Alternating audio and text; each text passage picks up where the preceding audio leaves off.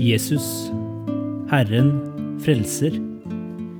Hun skal føde en sønn, og du skal gi ham navnet Jesus, for han skal frelse sitt folk fra deres synder. Matteus 1, 21. Det har kommet ganske mange Kristusbrikker i puslespillet vi legger. Nå er det på tide å stanse et øyeblikk ved det navnet vi nok bruker mest Jesus. Også dette navnet har symbolkraft i seg. Det betyr Herren frelser.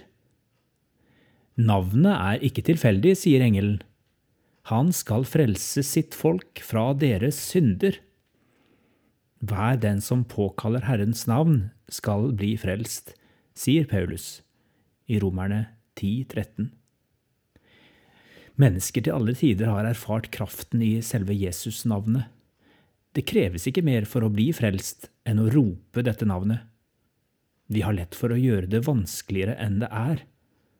Vet jeg nok? Tror jeg nok? Er jeg god nok? Hvor mye må jeg forandre i livet mitt for å kalle meg en kristen? Må jeg være enig i alt som står i Bibelen? Disse spørsmålene kan være viktige nok i og for seg, men de har en skummel slagside. De antyder at det er du som skal gjøre det. Det er her Jesusnavnet kan være befriende å rope ut som en enkel proklamasjon, for det plasserer hele ansvaret der det hører hjemme. Herren frelser. Har du ikke gjort det før?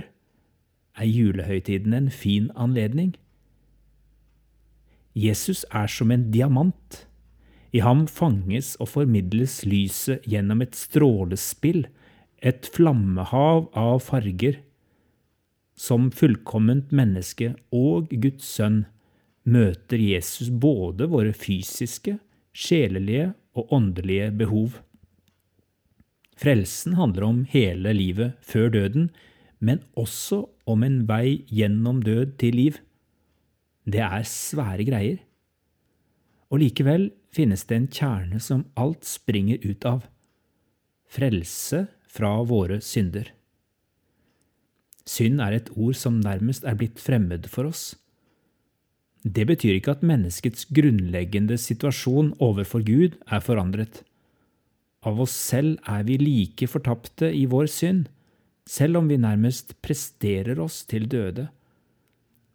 Avgrunnen mellom Gud og mennesker måtte Gud selv krysse for oss ved hjelp av en krybbe og et kors. Blant mange navn og titler skinner ett navn mer enn alle. Navnet Jesus blekner aldri. Til ettertanke.